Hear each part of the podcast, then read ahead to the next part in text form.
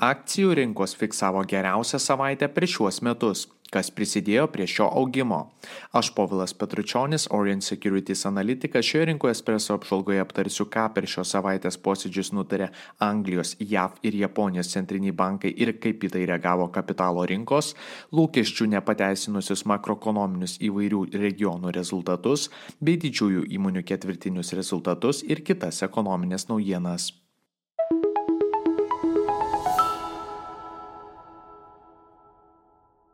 Svarbiausi praėjusios savaitės įvykiai - Junktinės Amerikos valstijos, Fed sprendimas palikti esamą palūkanų normą ir silpnėjanti darbo rinka.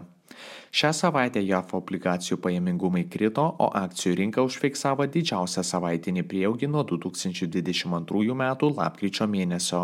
S&P 500 kilo apie 6 procentus, Nasdaq 100 apie 6,5, o Dow Jones 30 apie 5 procentus.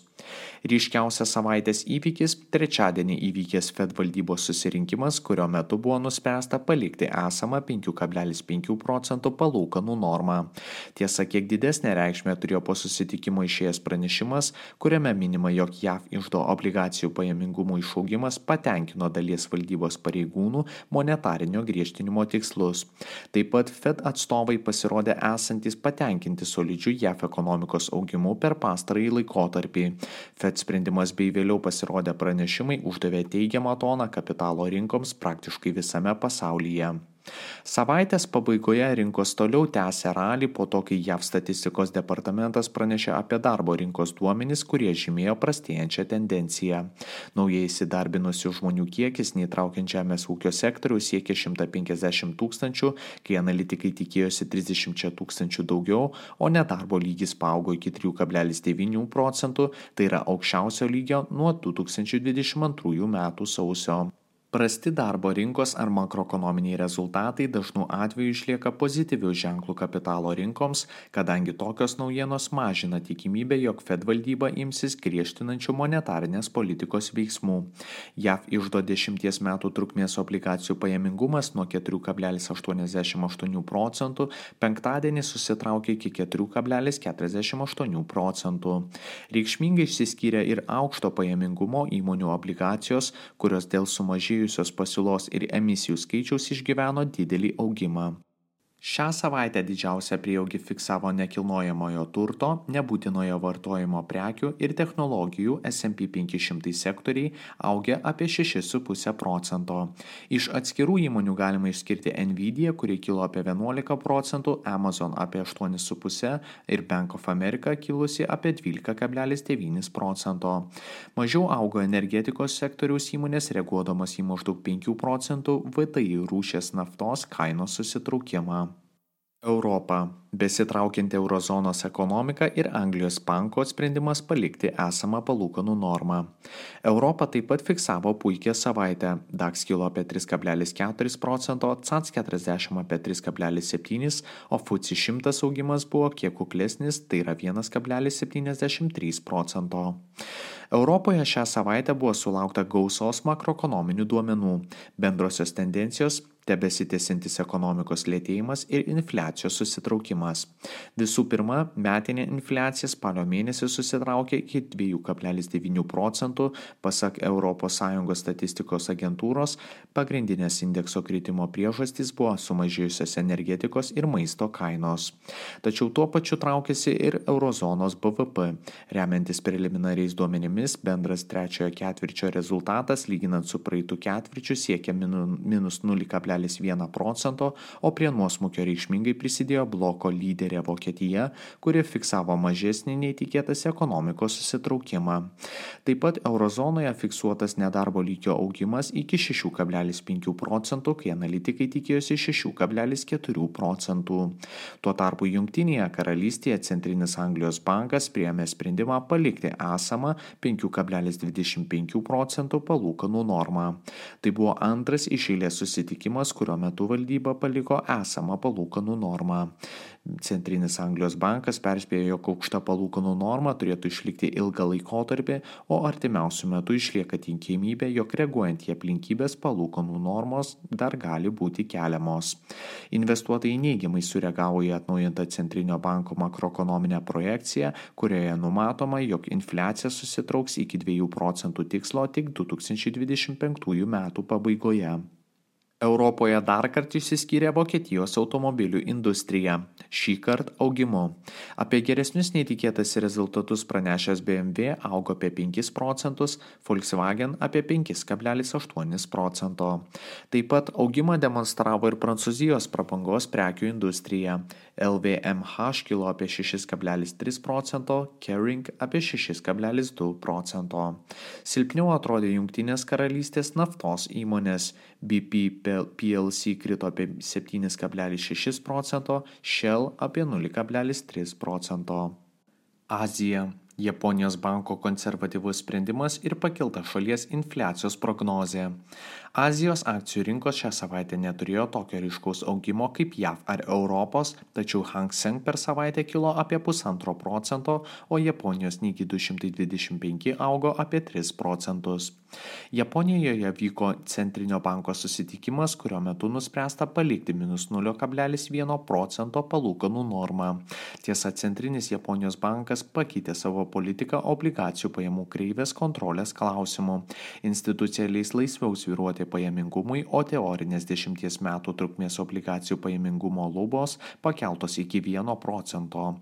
Sekant neseniai pasirodžiusi Tarptautinio valiutos fondo Japonijos makroekonomikos projekcijos atnaujinimą, Centrinis Japonijos bankas pakėlė abiejų, tai yra 2023 ir 2024 metų infliacijos prognozes iki 2,8 procentų.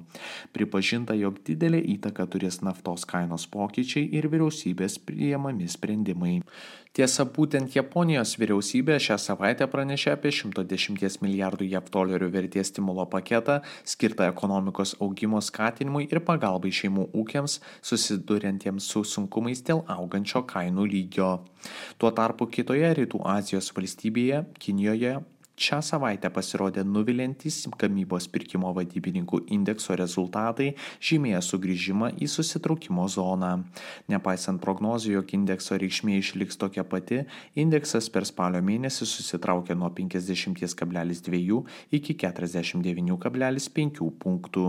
Taip pat nerima kėlė nekilnojamo turto sektorius lėtėjimas, per spalio mėnesį naujų namų pardavimai sumažėjo 27,5 procento, lyginant su praeitų metų spalio mėnesiu. Be to, reikšmingai traukėsi nekilnojamo turto paskolų kiekis, kadangi nekilnojamo turto sektorius išlieka vienu pagrindiniu Kinijos ekonomikos varikliu, ekonomistai atsargiai vertina šalies BVP augimo projekcijas per šiuos ir kitus metus. Kinijoje augimą fiksavo technologijų milžinas Tencent, kilęs apie 3,4 procento, stipriai išsiskyrė ir elektronikos technologijų įmonės, Xiaomi augo apie 12,7, Lenovo apie 4 procentus. Japonijoje augimą demonstravo Sony, augęs apie 6 procentus, bei Toyota, kilęs apie 4,6 procento. Populiariausios savaitės antraštės Didžiųjų įmonių ketvirtiniai rezultatai. Šią savaitę apie geresnius netikėtas rezultatus pranešė McDonald's, AMD, Caterpillar, Qualcomm, Airbnb, PayPal Holdings, Etsy, Apple, Eli Lilly, Starbucks, Booking.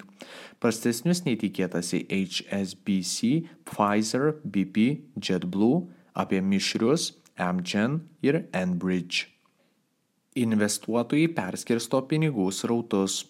Bank of America analitikai pranešė, kad praeitą savaitę pirmą kartą nuo Liepos mėnesio pastebėjo savaitinį pinigų nutekėjimą iš JAV akcijų rinkos tarp savo klientų, kurie atsijėmė apie 400 milijonus JAV dolerių. Daugiausiai pinigus atsijėmė instituciniai investuotojai, kuomet mažmeniniai investuotojai ir rizikos draudimo fondų klientai buvo pirkėjai. Bank of America teigia, kad pardavimai vyko 7 iš 11 sektorių, o daugiausiai lėšų nutekėjo iš technologijų ir telekomunikacijų sektorių. Tuo tarpu įplaukų lyderis buvo nekilnojamojo turto sektorius. Ateinančios savaitės įvykiai. Pirmadienį bus paskelbtas Eurozonos pirkimo vadybininkų indekso spalio mėnesio rezultatas. Spėjama, jog indeksas išliks toks pat, tai yra 46,5 punktai. Antradienį pasirodys Vokietijos pramonės produkcijos rugsėjo mėnesio pokytis. Tikimasi, jog lygis išliks nepakitęs. Trečiadienį investuotojai lauks Fed pirmininko Jerome Powell kalbos. Ta pačia dieną Vokietija praneša apie mėnesinį infliacijos pokytį. Ekonomistai tikisi, jo kainų lygis išliks nepakitęs.